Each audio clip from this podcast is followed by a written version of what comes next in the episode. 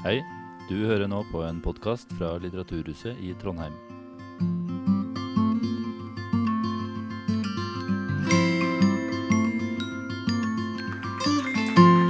Hvis du forestiller deg at du tar på deg skoene dine, og så begynner du å vandre. Går ut i denne byen her, så har du 113 000 ulike muligheter til å se og vurdere. Du har altså i Trondheim by 100 og, ca. 113 000 ulike bygg. Er de stygge? Er de fine? Stygt eller pent, som det sies på bokmål. Er det egentlig mulig å si? Er det helt subjektivt? Og fins det da et språk for uh, stygt og pent som kan overføres til det politiske, og ikke minst i måten vi bygger på? Hva tanker og planer har vi for den byen vi bor i? Er det egentlig en plan bak? Tar vi vare på det vi har skapt? Og helt sånn til slutt her Om du lukker litt øynene også, eller ser inn i ei krystallkule, og så prøver du å forestille deg Trondheim om 50 år, når dine barn og barnebarn skal ta dette videre. Hvordan ser da vår kjære Trondheim ut? Jeg sier som eh, doktor Stockmann. Jeg. Saken er den, ser jeg, at den sterkeste mann i verden, det er han som står mest alene. Og med det sagt så kjører vi i gang debatt. Ta vel imot byarkitekt Are Risto Øyasæter, fagekspert Kine Angelo fra NTU, arkitektur, uh, arkitekturopprørets Saher Soruri og Diana van der Meer, prosjektutvikler i Trym.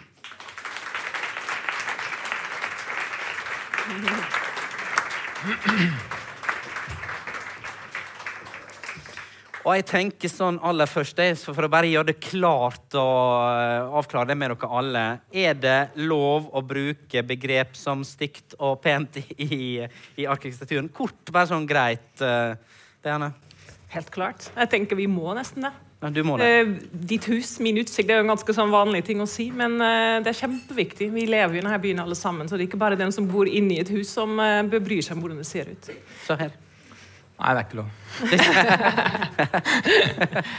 jo, det Som arkitekturopprører så merker jeg at det er, det er det folk flest er mest opptatt av med arkitektur og byutvikling. Så mm. Kine, hva tenker du da, som liksom lærer her?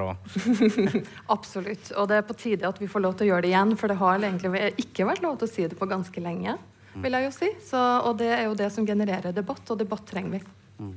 Are, hører du det mye som byarkitekt? Ja, jeg hører Gratulerer med det, den tittelen. Det er jo den andre i Norge. for øvrig.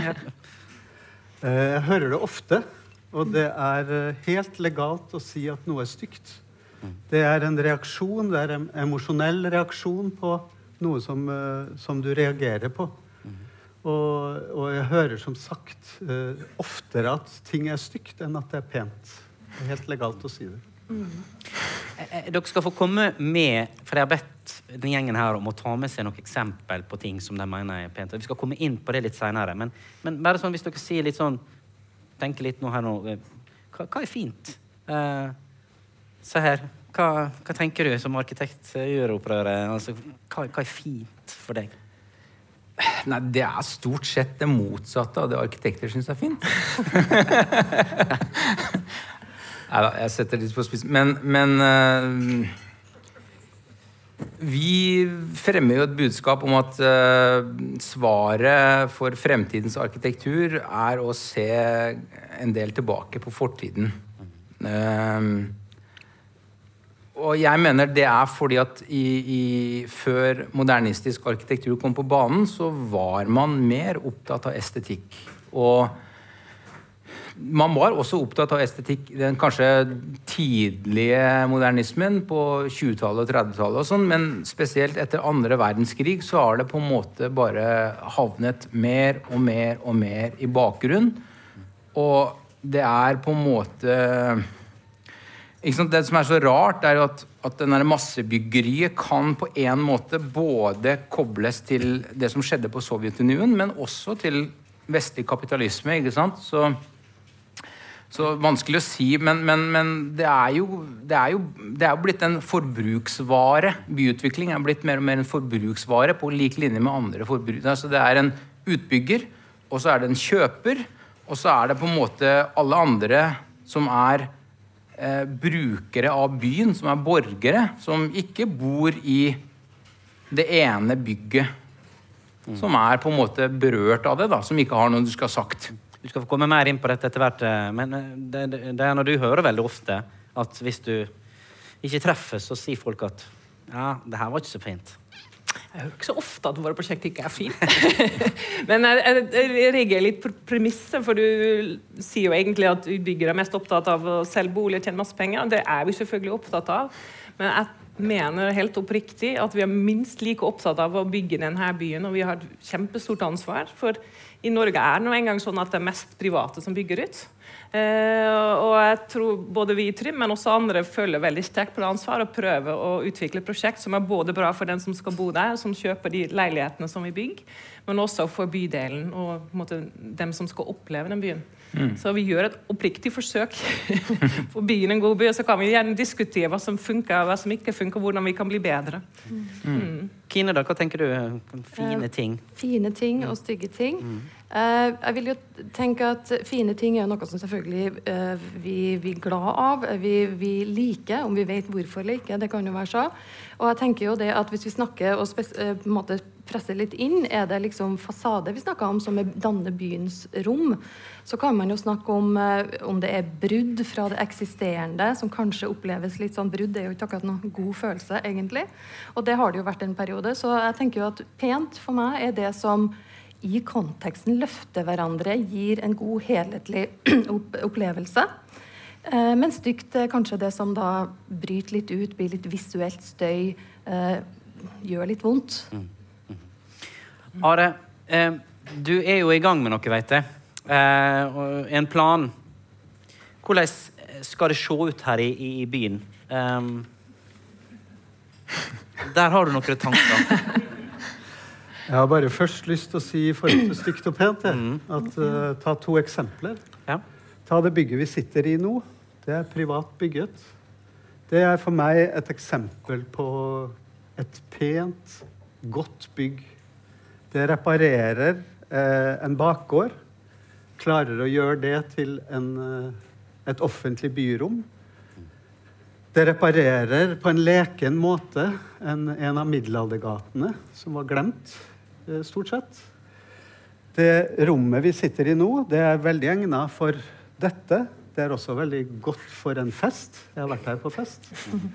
Det er et hus som eh, åpner seg mot plassen, viser arkeologi og er fantastiske arbeidsplasser med en nydelig takterrasse, hvor man til og med kan sitte uten å blåse bort. Eh, et stygt bygg som en motsetning så vil jeg si nevne eh, Gulltanna, eller hotellet på Brattøra. Som et eksempel på en by som faktisk isolerer seg fullstendig. Var ikke det åpne opp mot havet, eller havnen, eller fjorden? Var ikke det som var tanken? Men uh, de har nettopp bygget på sin uh, kafé, og da har det bare blitt enda mer lukket. Mm. Men egentlig et, uh, altså et ekstremt eksempel på, med liten evne til å bidra inn i byen. Som løser én ting, men ikke oppfører seg arkitektonisk, fordi arkitektur løser flere oppgaver på én gang. Alltid. Men du er altså den andre byarkitekten i Norge etter Bergen. Uh, det må ligge noe bak dette, da? Altså, du skal, du skal gjøre noe. Hva da? Altså, det er uh, ingen tvil om at grunnen til at det, opp, at det kommer byarkitekter, det er kanskje delvis takk til arkitekturopprøret. Men det er rett og slett tror jeg, litt sånn eh, en større bevissthet om at det mangler et fokus på arkitektur og potensialet i å, å liksom gi rom for arkitektur i veldig lange prosesser. Sant, ja? Lange planprosesser, f.eks. Og så, så, er det liksom et, eh, et Så jeg tror politikerne rett og slett har bedt om å få flere råd om arkitektur for å aktualisere det. Mm. Så det, det, det, tror jeg er hovedgrunnen. Men kan du hindre stygt, da? Og legge til rette for mer pent? Eh, jeg kan ikke hindre eh, Jeg kan ikke hindre I den eh, tittelen din? at eh, byen ikke blir stygg. Men jeg kan gå inn ganske tidlig i prosesser og gi råd. Og det er litt sånn uh, Byarkitekten i Bergen ble spurt uh, av en uh, journalist Ser vi at, har, at vi har hatt en byarkitekt i fem år? Og så sa hun ikke enda, men fra nå av vil det begynne å vises. Og det er litt sånn Sånn sett så driver jeg litt som en eh, Kanskje som en sånn muldvarp som er litt rundt og prøver å, å være en rådgiver i, i prosesser, sånn at det, det perspektivet i forhold til at det kan være liksom, eh, eh, Arkitektur faktisk kan være et verktøy for det, det livet vi har i byen her. Det, å få det inn og få opp interessen for det, og bare passe på at det får et litt større fokus i de her lange prosessene. Men, men for å ta deg på ordet, da, for at hvis du hadde vært byarkitekt eh, for noen år siden, hadde vi da ikke fått gulltannene? Nei. Det er, det, er ikke, det, er ikke sånn, det er ikke meningen min her å slakte det. Det er ganske mye god arkitektur i deler av det prosjektet, men det er fryktelig introvert. Og det har ikke en, en, det har ikke en, en, en, en interessant gest overfor det stedet det står på. Nå er ikke Stordalen her, så vi skal ikke snakke så veldig mye mer om det. Men, men eh, eh, vi kan komme tilbake til, til litt senere. Du, eh, du, du sitter altså og skriver på en plan, du. Kan du si bare litt kort hva, hva det er for noe, og når, når kan vi forvente oss at vi ser noe mer av det? Eh, Vi eh, sitter og prøver å lage en arkitekturstrategi for Trondheim. En, eh, et verktøy som skal være operativt i forhold til å sette veldig fokus på de prinsippene som kan lage, være med og lage god arkitektur. Vi går, sier ikke, ikke noe om løsningen, fordi arkitektur har tusen forskjellige svar. Men det må være noen, pre, noen prinsipper som er oppfylt for at det skal kunne oppleves som et tilskudd for en by. Og en tilskudd til den kanskje stolte historien vi har her i byen. Det, det, da må det oppfylle en god del eh, eh, prinsipper for, på veien for å bli, eh, for fremstå som god arkitektur. Det er det vi forsøker. Det er ikke lett, men det er mulig. Før du, før du begynte, så vet jeg jo det at Kine, du har jo gjort en jobb her eh, også for byen. Eh, om, du nevnte til meg på forhånd vi prata om en fargepalett. Ja, det er litt jo, om det. Ja. Eh, det begynte jo egentlig for ti år siden, da farge ble ansett som veldig subjektivt og egentlig også sekundært. Eh, Det var ikke så veldig viktig, for det var materialene som telte. Men så er det jo sånn at alle materialer har jo en farge for seg sjøl. Og så er det jo sånn at man også trenger en overflatebehandling på veldig mange av dem for at de faktisk skal være både bærekraftige og miljøvennlige å holde. Så det var jo det der å få litt sånn eh, Hvis man skal hjelpe byen, hva kan det være? Hva er fargene til byen her som gjør det Trondheim annerledes enn andre plasser? Uh, og det var der arbeidet begynte, så det begynte jo med rett og slett å fange, prøve å hente inn masse informasjon. Gikk og skanna på nesten eneste fasade i, i denne, i hvert fall midtbyen. Uh, og prøve å finne på en måte en fellesnevner som vi ser at det her er felles for oss. Eh, og det var jo også Målet med det var jo egentlig litt egeninteresse til å begynne med, men også det der med at hvis man skal argumentere for farge, så må det jo gjøre noen ting. Og det det kan gjøre, er jo faktisk å bidra til at det man bygger, ikke skiller seg ut av de bruddene som jeg nevnte litt i sted, men faktisk at man kan veilede litt på noe som føles litt sånn ullent og litt sånn skummelt, og gi at jobber dere innenfor faktisk en palett med sine tålegrenser og, og sånn, så, så kan du faktisk bidra i byen og faktisk gjøre trygge valg. Så det var starten på det, egentlig. Jeg vet ikke om du har noen bilder? Ja, du, skal vi, skal, kan, vi kan liksom godt ta det opp uh, her nå, hvis Ja. jeg får Uh, Jeg fikk litt lov til å sende noen bilder, for Ja. eh, bildet vi eh, kan sier mer enn opp 1000 den, ord. jeg tar det ja. Skal vi se, har du den, tror jeg. Ja.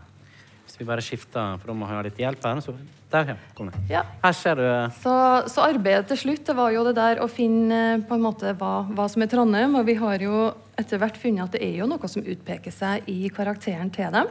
Eh, som er selvfølgelig, nå skal jeg gjøre det her kort, eh, en grunn til, eller sånn, i historien vår, hvilke pigmenter hadde vi, hva, Hva er det kulturminnene har bevart, og litt sånne ting. Og så har det kanalisert seg egentlig en ganske klar tendens for enkelte eh, på en måte kulørtoner og nyanser, da, som man sier. Eh, og så, hvis du tar eventuelt eh, neste bilde hvis du kan Ja, hvis si du det ser sånn. ellers i, i landet, ja. Mm. Jeg var litt heldig og fikk litt juks litt med på den måten. Eh, Så er det jo sånn at eh, Hvis man kikker litt på da, hva er det som er annerledes fra Trondheim eh, til andre byer i, i Norge, så er det jo nettopp at vi har hatt en annen historie enn andre byer. Vi ble ikke bomba, så vi har veldig mye tradisjonelle farger fra jorda osv. Mens Kristiansund, som ble bomba ikke sant, og måtte bygge opp igjen i en tid hvor man hadde nyere og mer fargesterke kulører.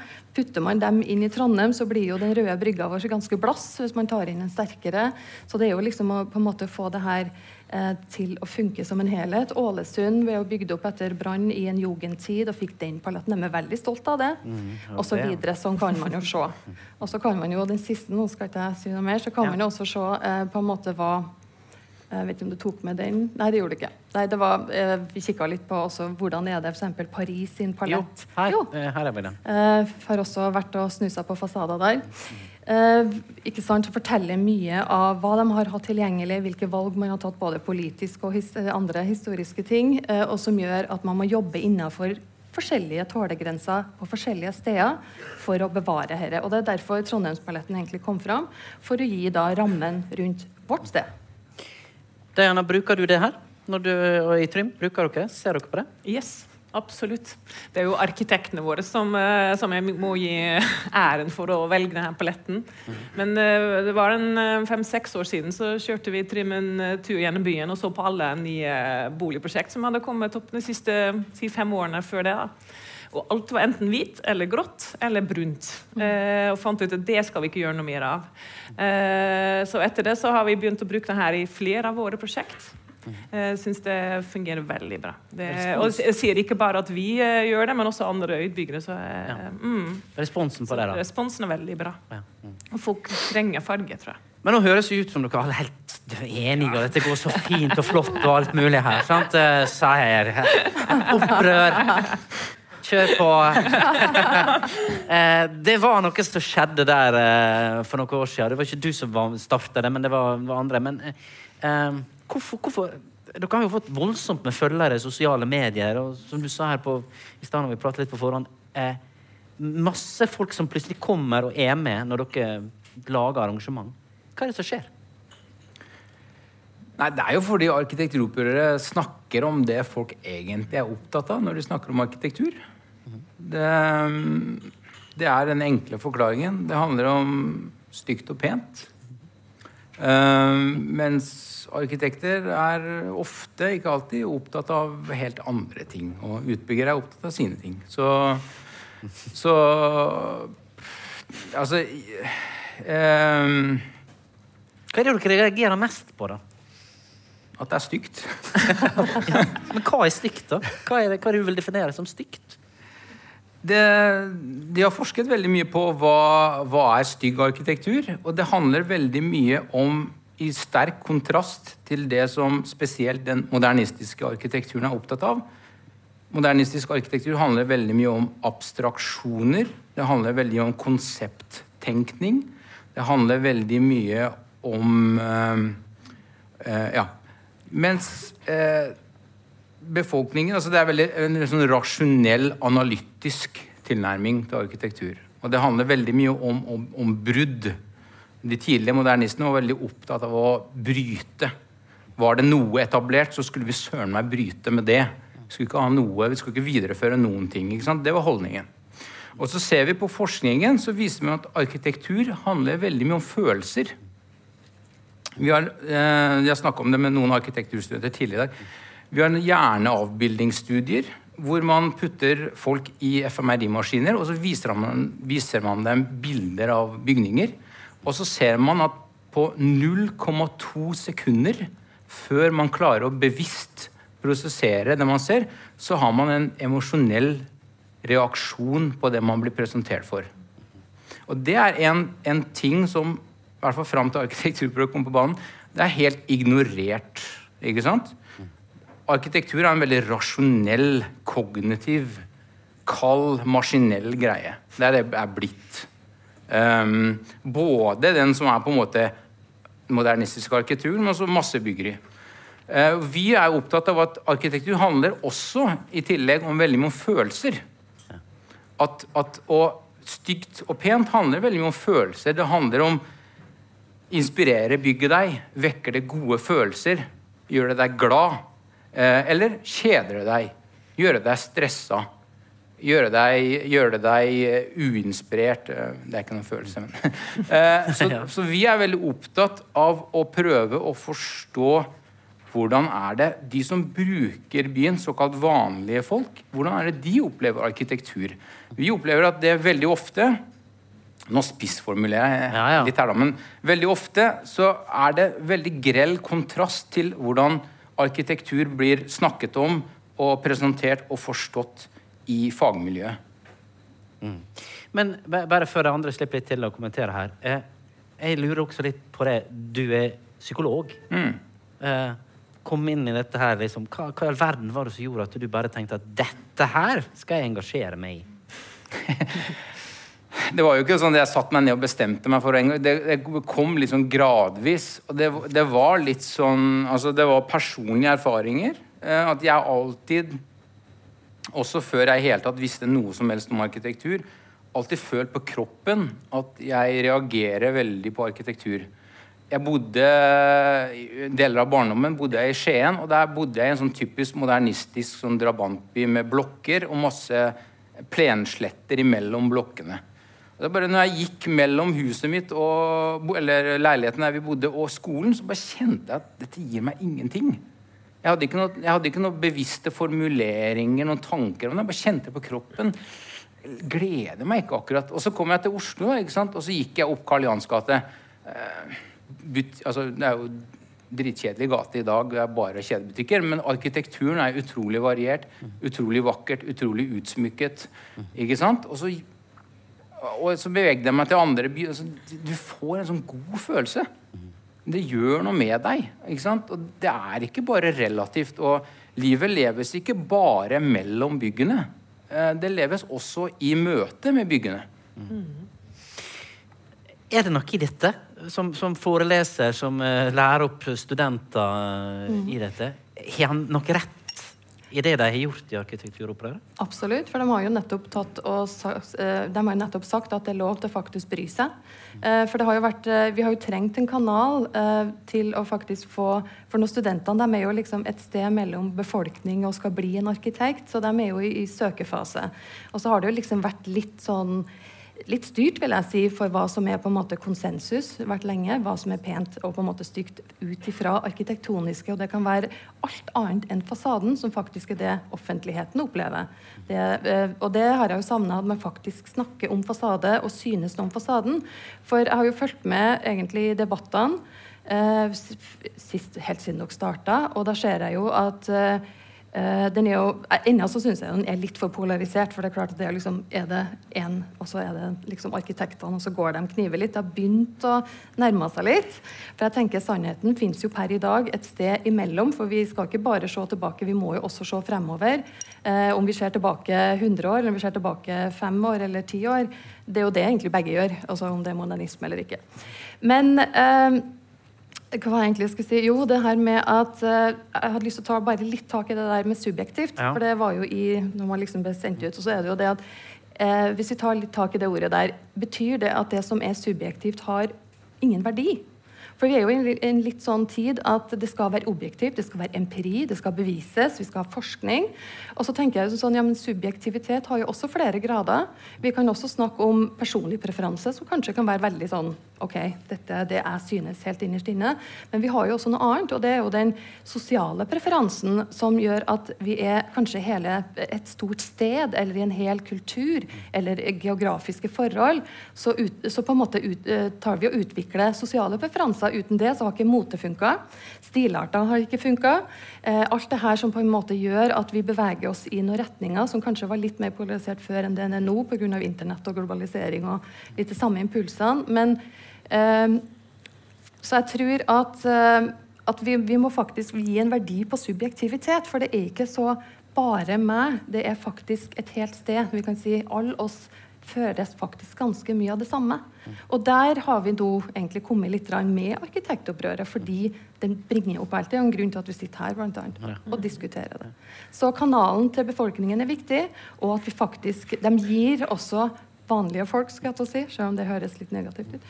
Eh, ord. Eh, de har lov til å synes ting. De gir det en slags berettigelse. Og også studentene, ser det. Thank God. Men, men eh, Diana, eh, når eh, du hører hva han sier her om hvordan dere tegner og hvordan dere utvikler og bygger, hva tenker du om det? Blir du såra? Nei, jeg blir ikke såra. Men eh, Og jeg er veldig enig i veldig mye av eh, det han sier. Eh, og syns det er bra at arkitekturopprøret utfordrer oss og prøver å få oss til å tenke ekstra godt på hva vi bygger og hvordan vi bygger. Eh, men ikke alltid enig i de svarene de kommer med. Og det er særlig det at man skal bygge eh, når man når Jeg følger jo Instagram-kontoen til arkitekturopprøret. Jeg synes det er veldig spennende. Men det sier jo hele tida komme opp bilder av her er Paris, og så hvorfor bygger vi sånn i Norge? Og så har man en liten sånn kjedelig bygg i Norge, og så har man en fantastisk bygg fra 1800-tallet på Paris. Vi bygger jo ikke sånn som vi gjør på Ja, hvorfor gjør 1800-tallet Ja, vi det, deler ikke fra 1800-tallet i det hele tatt. Vi deler fra 2010, 2015, Ja, det er også. 2023. Det er også. Vi er Men, veldig eh, opptatt av å ikke sammenligne 1800-tallet med dagens byggeri, fordi det har mistet litt av sin verdi. 1800-tallet var en annen tid.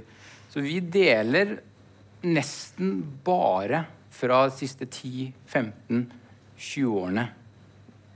Men, men, men, men tror du det ja, For det er jo en issue her eh, om å bygge slik som de gjorde før. Det er dyrt. det er dyrt. Ja. Det er jo det. Sier du at det, med det at det ikke går, at vi har ikke, det er ikke kostnader, det er ikke, det er ikke villighet? Uh, jeg tror det er flere grunner til at vi ikke gjør det. Uh, og vi har jo en arkitekt, arkitekt som tegner, så jeg stoler jo egentlig på deres faglige innspill først og fremst. Uh, men det er jo et kostnadsspørsmål også.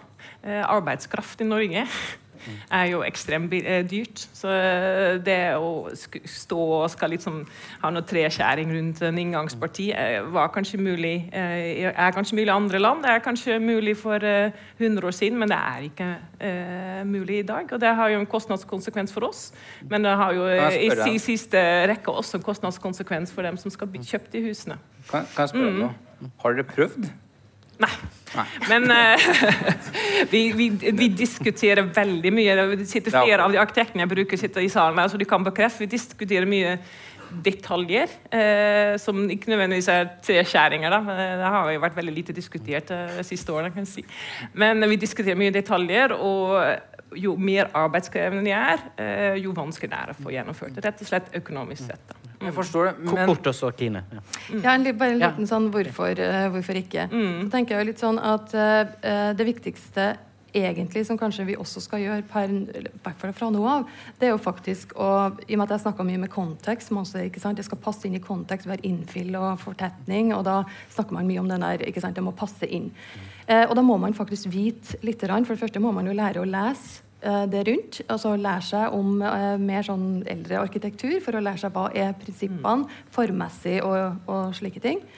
Eh, og så tenker jeg jo også at Det viktigste her er jo faktisk da, når det er sånn at vi må tenke helhetlig, så må jo faktisk fasaden ikke komme til slutt, til slutt som den ofte gjør nå. For den bruker eh, prosjektet og programmet først, og så kommer liksom ettertanken, fasaden. Jeg ser det at det er da det på en måte I know, men jeg fortsetter litt. Eh, og det er jo det at da er pengesekken tom. Eh, viljen på en måte finnes ikke der, for den var ikke der fra starten. Eh, alle nesten valg er tatt fordi materialene er tatt. Eh, egentlig strukturen og hele og alt det som artikulerer en fasade, er tatt. Så da skal man prøve å lirke inn den der tilpasningen til slutt. Snu om, da. jeg, Fasade jep, først. Start der, vit målsetningen, og så må man se, ikke sant? Så må man zoome imellom. Yes. Jeg må bare få lov til å svare på det. Vi tenker fa fasade først. Vi skal ha et kickoff på et nytt sporprosjekt i morgen. Eh, og i går satt jeg og laga inspirasjonsvisjonsbilde for den kickoffen. For bevisst å ha fokus på hva er det vi skal bygge, hvilke omgivelser er vi, hva slags type område er det her, og hvordan vil vi at det utvikler seg. Og der er fasade kjempeviktig. Det blir jo alltid en diskusjon til slutt, og det er der uh, utfordringen med, med treskjæringer kommer inn. da. Det er at Når man har gjort alt, uh, så blir det jo et regnestykke, og så blir det jo hvor er det vi kan spare. Uh, klarer vi å kutte ut en heis, eller må vi ta noe detaljering bort? og Det er jo en vanskelig diskusjon med fasade kommer alltid først. Men, men så her, vi kan ikke bare, skal vi liksom gå tilbake til tid og drive sånn som de gjorde for skal ikke, vi, skal ikke vi endre oss, da? Skal vi bare ha sånn Stå på stedet hvil? Nå har vi endra oss i 100 år. Hva Syns du det går veldig bra, eller? Syns det. For er det, altså Arkitekturopprøret har jo 120 000 følgere. Det er en grunn til det, ikke sant? Altså, og jeg er veldig for å eksperimentere. Jeg er veldig for å utvikle. Finne nye uttrykk. Men må det skje på modernismens premisser? Som egentlig er ingen estetikk i det hele tatt. Det er bare minimalisme. Eh, så, men ikke sant? Det er, det er, veldig mye som er umulig før det plutselig er veldig mulig. skjønner du? Eh, ikke sant? Altså, De første elbilene, hvor mange millioner kroner kosta de å produsere? Tenk hvis Elon Musk hadde tenkt Gidder ikke. Det er så dyrt å produsere elbiler. Vi bare forholder oss til diesel og bensin.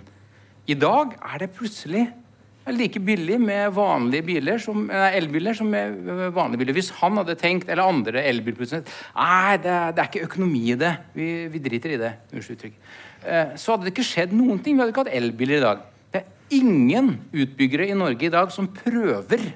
Ingen som prøver. Jo, det er noen veldig få som prøver. Bitte små utbyggere Sånn som f.eks.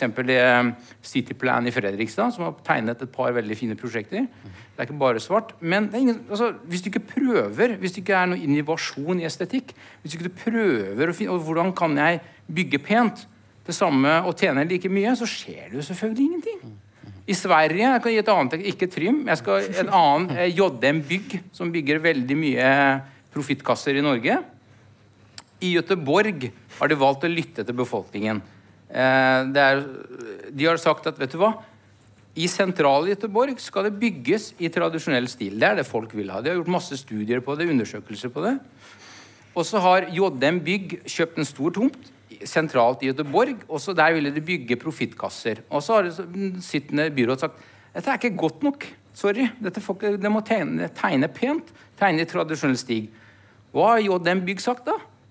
Har de lagt seg ned for å dø? Har de slått seg konkurs? Nei, de har, de, nå siterer jeg dem. Ja. Dette er en fin utfordring for oss og våre arkitekter. Mm. Og så har de endra? Vi får jo se hva resultatet blir, ja, men okay, dette, er, dette, er, et par uker ja, siden. Ja, Det er det de har sagt. Dette blir en fin utfordring for oss og våre arkitekter å tegne pent og tjene penger. Mm. Are, hva tenker du om, om, det som blir sagt her? Er det, er det noe i, i det? Uh, det er det nok.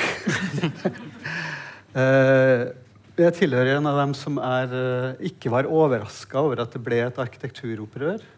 Det er en, eh, det er en, altså det er en reaksjon, og som det blir sagt her, på, med 120 000 følgere eller noe sånt. Når jeg snakker om arkitektur og om byen vår, så snakker jeg stort sett nesten alltid til ikke-arkitekter. Og det er veldig mange som kommer litt stolt og forteller at de er med i arkitekturopprøret. Eh, en god av dem tenker litt annerledes når de går ut. Det jeg synes er interessant, det, er at, eh, altså det jeg tror det er et uttrykk for, det er at det trengs et språk for å diskutere arkitektur utover litt sånn lukka kretser. Mm. Akademiske kretser, arkitektkretser. Altså Det har blitt snakket om, og så plutselig kommer det et, et, et eh, en ordentlig reaksjon som jeg tror er uh, reell. Jeg syns det er uh, kanskje et veldig uttrykk for også hvor kort urban tradisjon vi har. Uh, hvis du ser de her to som har reist rundt og sett på alle tettstedene i Trøndelag, mm. så syns jeg det er så utrolig interessant, for de spør f.eks. Ja, hva er det som er så fint med Stjørdal. Hva er det som er fint med Stjørdal? For det, altså, de dømmer de her er det, er det, noe fint med Stjørdal? ja, men det, det, det, interessante med svaret er Ja, de sier fjorden, elva, gårdene rundt. Mm. Og det var en, uh, en arkitektur... Uh, ikke psykolog, men arkitektursosiolog. så han kaller seg arkitekturpsykolog, han skrev at en osloboer ville svart det samme for kanskje 20 år siden. Så ville han sagt Holmenkollen, fjorden, marka. Fordi vi er så lite vant til å diskutere vår egen by. Og når du går rundt og føler en slags tomhet eller mangel på impulser, som du beskriver fra den drabantbyen, så er det ikke det drabantbyen som er et problem. Det er den drabantbyen som er et problem. Det er den utforminga, og det er de, de, eh, den, den eventuelt uferdige jobben med å forme det til en urban eh, sammenheng. Og det, da mener jeg med urban en måte hvor vi kommer litt nærmere, nærmere hverandre på en god måte. Noe som føles behagelig. Jeg snakker ikke om fortetting, ikke om antall etasjer. Men hvis du ikke klarer å bygge byen sånn at du får lyst til å bo i byen Og poenget med å bo i en by, det er at du vil ha litt friksjon. Du vil oppleve ting. Du vil oppleve folk som er annerledes enn deg. og og, og, det, er, det er noe av poenget. Og der tror jeg at eh, når arkitektur på en måte ikke gir noe annet enn en negativ respons, da kaller folk det stygt. De i Trøndelag. Det er stygt. Ja. Og da er det da er det ingen, da, da mangler den responsen. Men jeg vet at hvis jeg hadde tatt den testen din på noen av mine favorittbygg fra funksjonalismen, så hadde det banket, liksom. Så jeg hadde reagert positivt. Men kun hvis de har en evne til å tolke noe mer enn fasaden. Altså en fasade må være en, en formidler, en slags brobygger. Og, og hvis den ikke er det, så er den ikke en god, ikke en god byfasade, i hvert fall. Og Men- det er mellom det private, f.eks. Men, men vi er jo litt inne på litt offentlige bygg og store, svære prosjekter osv. Det jeg også ser, jeg reiser mye rundt eh, ellers i den vanlige jobben min, og da, da ser jeg gjerne sånn langs eh, I utkanten av byer så, så er det veldig mye modernistisk. Altså det er sånn firkanta nye med store vindusflater osv. Som far min sier når jeg spør hva som har skjedd på øya siste. Nei, nå har det kommet opp en sånn black box igjen. Ikke sant? Det er det som skjer. Det, men det, det, det, her, det er jo noe som folk vil ha. da. Du ser det rundt omkring at de vil gjerne ha litt sånn kule, nye type bygg. Og det er jo folk flest. Ikke det, da? Nei. Du ser det popper jo opp rundt omkring i mange byer. Er Utkanten. ikke sant? Altså, det, det, Nei, det er en del det er, altså, det er ikke svart-hvitt. ikke sant? På samme måte som reaksjon på antibiotika. Det er heller ikke svart-hvitt. Det er subjektivt hvordan du reagerer på antibiotika, hvordan du reagerer på Paracet, hvordan du reagerer på Ibux, hvordan du reagerer på kreftbehandling. Men du må heve det på en populasjonsnivå. Hvis du skal ha en uh, utilarist, utilaritistisk tilnærming til etikk, hvor du tenker at målet med arkitektur og byutvikling må være mest mulig lykke for flest mulig. Ikke alle, det går ikke, selvfølgelig. Så må vi ta utgangspunkt i Da må vi heve det på populasjonsnivå. Da må vi se hva er det på populasjonsnivå folk liker. Du vil alltid finne noen som synes at um, svarte bokser er kjempefine. Ikke sant? Eh, Du, men du må heve det på populasjonsnivå. Hvis du hever det på populasjonsnivå, så ser du at et tydelig flertall av befolkningen foretrekker det man kan kalle tradisjonell arkitektur, premodernistisk arkitektur. Og det gjenspeiler seg i f.eks. i ferdighus. Det er mange som liker eh, såkalte funkis. Eh, Det er jo liksom slemt mot funkis å kalle dem for funkis, da, men? Eh, Men det er det store flertallet kjøper det selgerne kaller herskapelig. Ikke sant? Det er skråtak. Det er litt sånn sveitserstil. Det, er det, det, det ser man på statistikken. Det er det folk flest vil ha. Og du ser også på hvor Beklager at jeg hele tiden refererer til Oslo. altså Jeg kjenner ikke så godt til Trondheim. men Det er ikke ment som fornærmelse. Men hvor er det det er dyrest med leiligheter i Oslo? Det er på Frogner i Oslo. Ikke sant? Det er der øh, bygården er bygd fra rundt 1900-tallet. På Sankthanshaugen. På Bislett. Ikke sant? Og hvis du ser Det er gjort en undersøkelse. Hvilken bydel i Oslo er osloborgernes favoritt? 52% sa Frogner. På andreplass det var Sankthanshaugen. På, på de ti så er det én bydel som er bygd fra vår tid. Og det er Barcode, eller unnskyld, Bjørvika.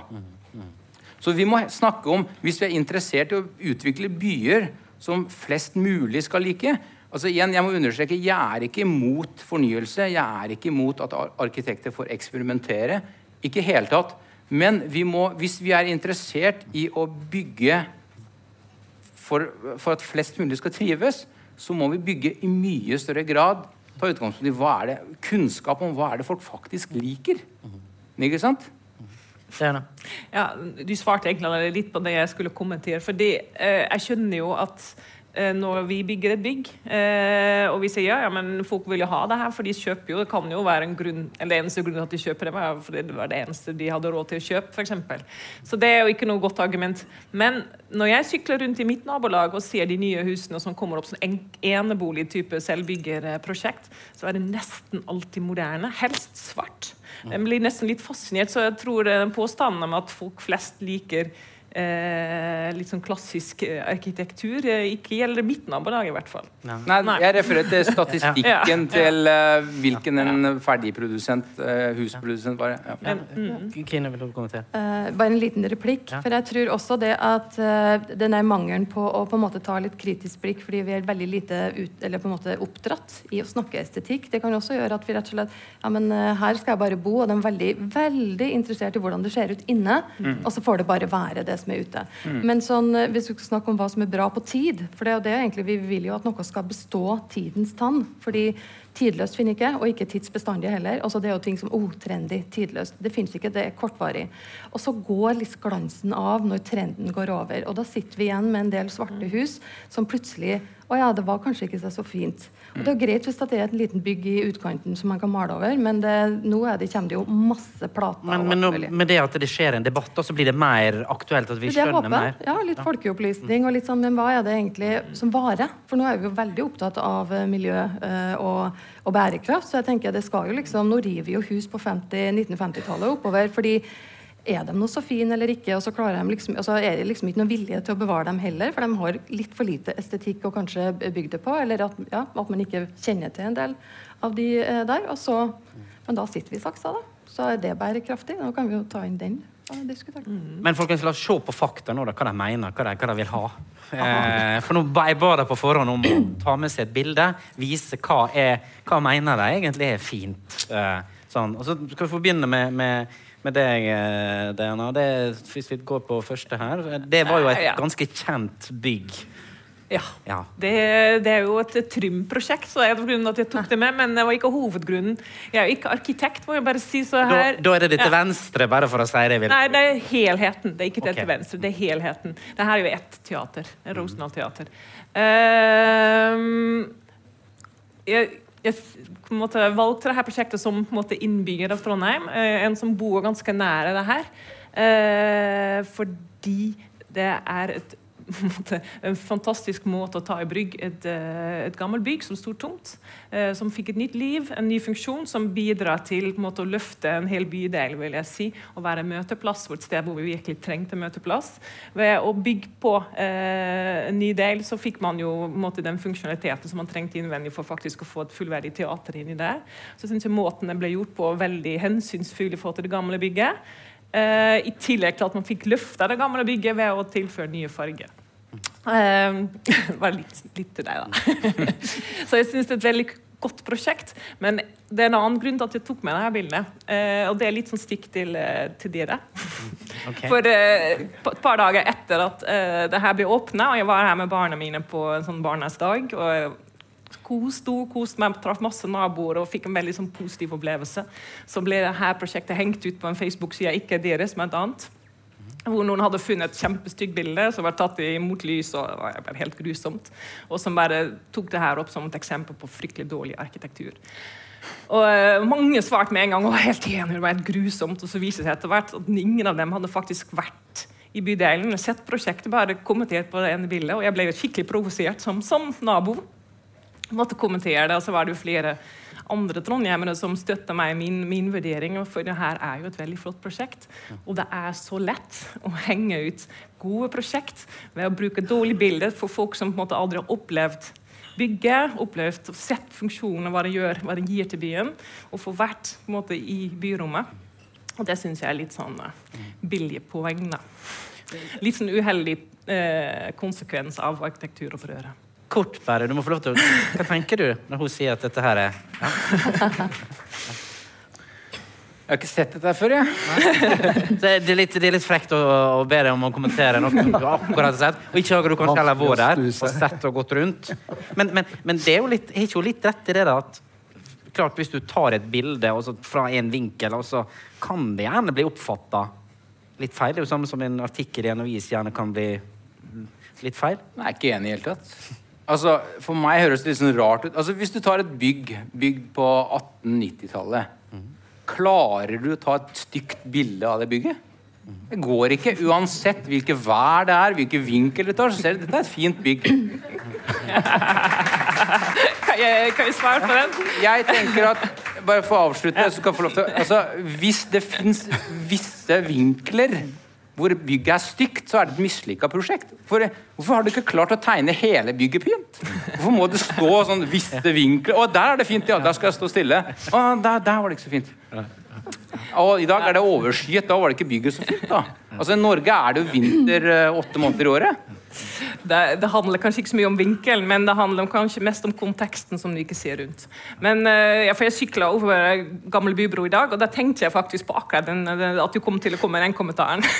og så tenkte jeg det er kjempefint å være på Gammel bybro, masse turister står og tar bilder. Men så er det jo en sånn liten sånn uh, trafikkgjerde som skal hindre at biler kjører på. Hvis jeg nå tar bilder rett innover her, og så har den i forgrunnen, så kan man jo legge ut noen fryktelig stygge bilder på Facebook og si her er noen fryktelig ødelagte, her flotte kulturmonumentet. Men det man da glemmer, at denne gjerdet har jo en viktig funksjon, og det er for å holde bilene ut, slik at det her kan bli det byrommet det fortjener å være.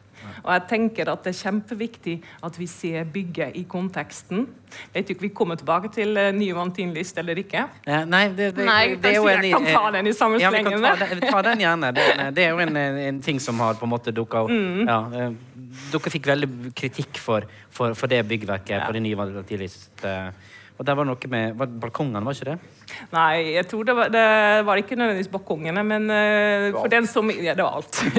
for den som ikke visste, så ble jo et av våre prosjekt, som jeg er faktisk ganske stolt av, uh, nominert for uh, Grøssprisen i fjor. Mm. Fikk tredjeplass, da, så vi kom dessverre ikke på første. men Og man kan jo diskutere, som sagt, som, som jeg sa til deg i telefonen, er det jo noen ting som vi kunne gjort bedre, som vi lærer av og prøver å forbedre. Men når jeg leser kritikken, så handler det om vi har, ikke, vi har flate tak, ikke salttak. Vi eh, har dårlige uterom. Der har de aldri vært på eiendommen, for der har de virkelig ikke sett at det ikke er eh, klassisk eh, arkitektur. Det har de i hvert fall ikke vært i området hvor den er plassert. Det vil jo ikke være et område Den er innført, det. Nei, Det kan arkitekt svare på, men det tror jeg er veldig veldig feil i fotokonteksten. Er det noe feil å innføre sånn ja, så er det en veldig sånn fin variasjon i bygg. Bildene var tatt eh, i byggefasen før vegetasjonen var på plass, før kranen var fjerna, for å si det sånn. Så det er veldig mye eh, som ikke var på plass, og det blir veldig sånn ja, det er litt useriøst, da. Mm. Ja, nei, men vi, vi, vi, må, vi må komme videre til det andre her, så vi får gjennom eh, Skal vi se eh, Eh, det var Kine har jo vist oss eh, her eh, med, med, paletten. Det var du som tok fram det bildet der, var ikke det? Ja. ja. Nei, Jeg ville slå et slag, for jeg regna med det kom eh, noen gode eksempel på litt eldre arkitektur, så jeg tenkte at det trenger ikke jeg dekke. Eh, så jeg tenkte jeg skulle ta et fra 1950-tallet, som jeg syns er et prosjekt jeg bare blir glad av. Uh, som jeg syns er pent når jeg går. Og grunnen til det er jo det at det er, uh, jeg tenker hverdagsarkitekturen er for meg veldig viktig. For det er det vi stort sett har rundt oss, og det er det vi, stort sett det som på en måte vi lever livene våre i. Så drar jeg gjerne til andre plasser og ser litt mer storslått og monumentalt og går forbi det. Absolutt. Men det jeg liker med det, det er nettopp det der med konteksten, hva den bidrar i, i på en måte i helheten. fordi det blir jo alltid litt feil egentlig bare å vise ett bygg. Det bør for meg være alltid i en kontekst. Vi aldri opplevde det bare som en enhet. Nå har jeg jo fått med litt, da. Men når jeg har gått der, som jeg gjør en del når jeg er i Oslo, så ser jeg at det huset vinner mer av å ha sånn som det er transformert. Eh, og det synes jeg har gjort, det viser at det er en velvilje i transformasjonen. Og jeg syns de har gjort noen gode valg som også klarer å kontre et enormt bygg på sida. Så det er enkelt. Det er på en måte kanskje ikke noe storslått, og sånne ting, men alt som den har, lite, men allikevel, det teller. I like it. og så har Saher tatt med seg dette her. Ja. Ja. Hvor er vi da, Seir? Det er et gatesnutt i Berlin. Begge de byggene er bygd de siste to-tre årene. Eh, grunnen til at jeg bruker det eksempelet, er fordi eh, Berlin by har en arkitekturpris. Og der har de, i motsetning til for eksempel, ja, de aller fleste arkitekturpriser i Norge, så har de en hvor fagfolk velger eh, det vakreste nybygget. Eller beste prosjektet, som de liker å kalle det. Eh, og så har de i Berlin har de en publikumspris. Hvem som helst i hele byen kan gå og stemme. Nominere og stemme. Dere kan tenke dere hvordan fagjuryens eh, vinner så ut. Dette var befolkningens valg.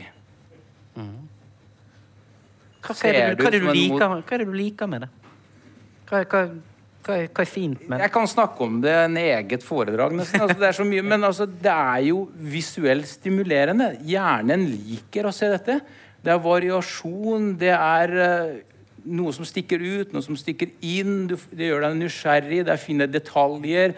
Det er ikke så veldig ornamentert, egentlig. altså noen syns jo det på forhånd var merkelig. Skal vi begynne å bygge sånn edvardiansk arkitektur i Berlin? Skal liksom, hvorfor skal vi det? Og så viser det seg å være det er folkets favoritt. Folk bryr seg ikke om dette er importert arkitektur fra England. De syns at dette er vakkert. De går forbi, de trives med det. Kult! Endelig et fint bygg i Berlin på 100 år. Og det bygget ved siden av er litt mer inspirert av den tidlige funksjonalismen. Den er også veldig flott. Um, uh, ja. Det er derfor jeg valgte det. Dere, dere nikker her, men går det an å bygge sånt i dag? Ja, det tenker jeg. Det er bare Men eh, ja, litt morsomt, jeg måtte le litt, fordi uh, en kollega meg vil gjerne at jeg bygger Notting Hill i Trondheim. Eh, jeg har lovet at jeg skulle gjøre det. Så det blir jo litt sånn. Men uh, spørsmål til deg, egentlig tenker du at det her er riktig arkitektur på et jorde på Reppe, som er litt sånn utkanten av kommunene? For jeg, i mitt hode er det her veldig bymessig, og passer det egentlig ikke nødvendigvis i alle områder. da. Jeg sier ikke at man skal bygge det på et sted hvor det ikke er ment å skal bli en by. Hvis dette er begynnelsen på en by Man tenker at her har man regulert, her skal det bli en, en, et, en, eh, En tettstedssentrum her. Ja, selvfølgelig.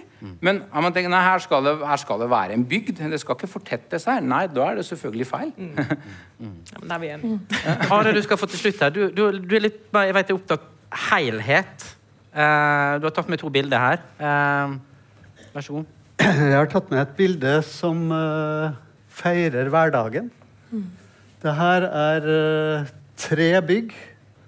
Et fra 1842, etter brannen. En, en institusjon. En boligblokk med eldreboliger fra 60-tallet. Og en, et sykehjem fra 80-tallet. Alt er del av Trondheim Hospital. Det ligger ut mot en plass. Jeg har bodd litt lenger borti den gata. Eh, det her er et sted hvor eh, som jeg, En måte å se estetikk på som faktisk feirer eh, eldre som en helt naturlig del av en gate med en liten lommepark. Det er, den er fornya og videreutvikla. Den er innganger hvor du ser at de eldre henger og følger med. Den har takterrasser hvor du ser ut.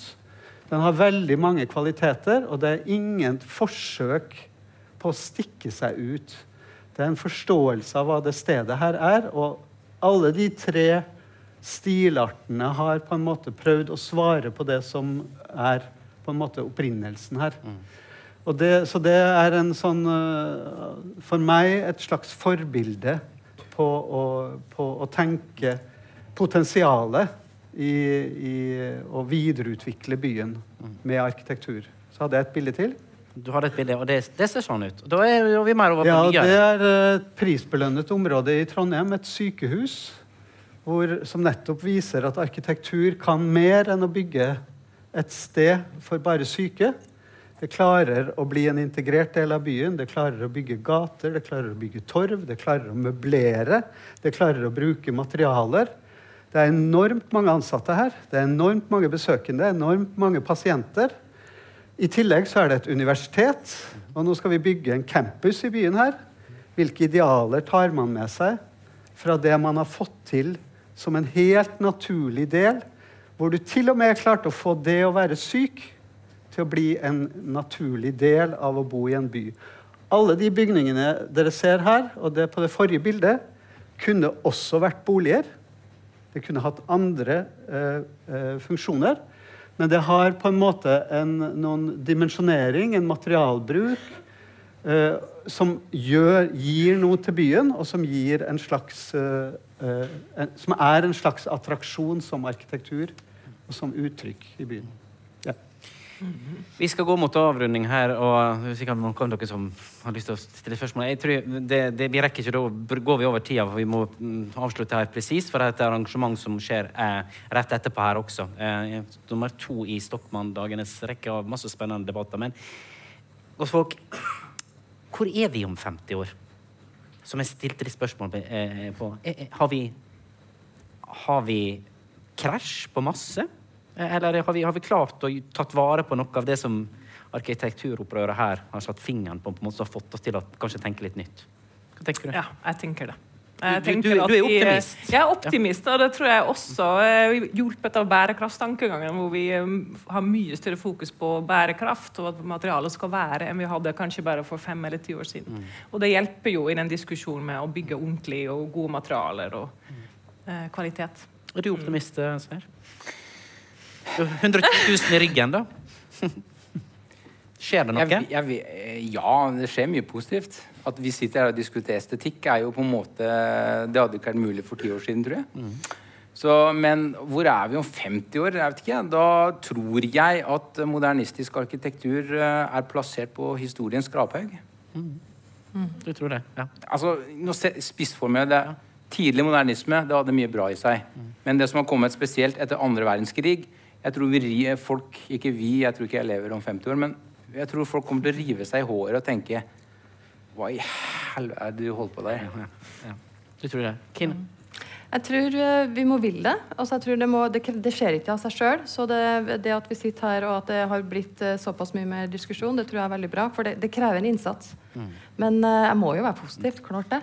Mm. Men det er, jo, det er, jo, fint, for han mannen her på enden han kan jo legge en plan. Og nå skal jo han gjøre det. Så, så kanskje litt ansvaret ditt til, til, å gjøre det. og ta det, det mest fascinerende er at i det store eh, rommet her, som er Trondheim, det kjempestore amfirommet som ligger mot nord, mot den åpne fjorden her, så er vi kanskje da 150 000 nye naboer. Mm.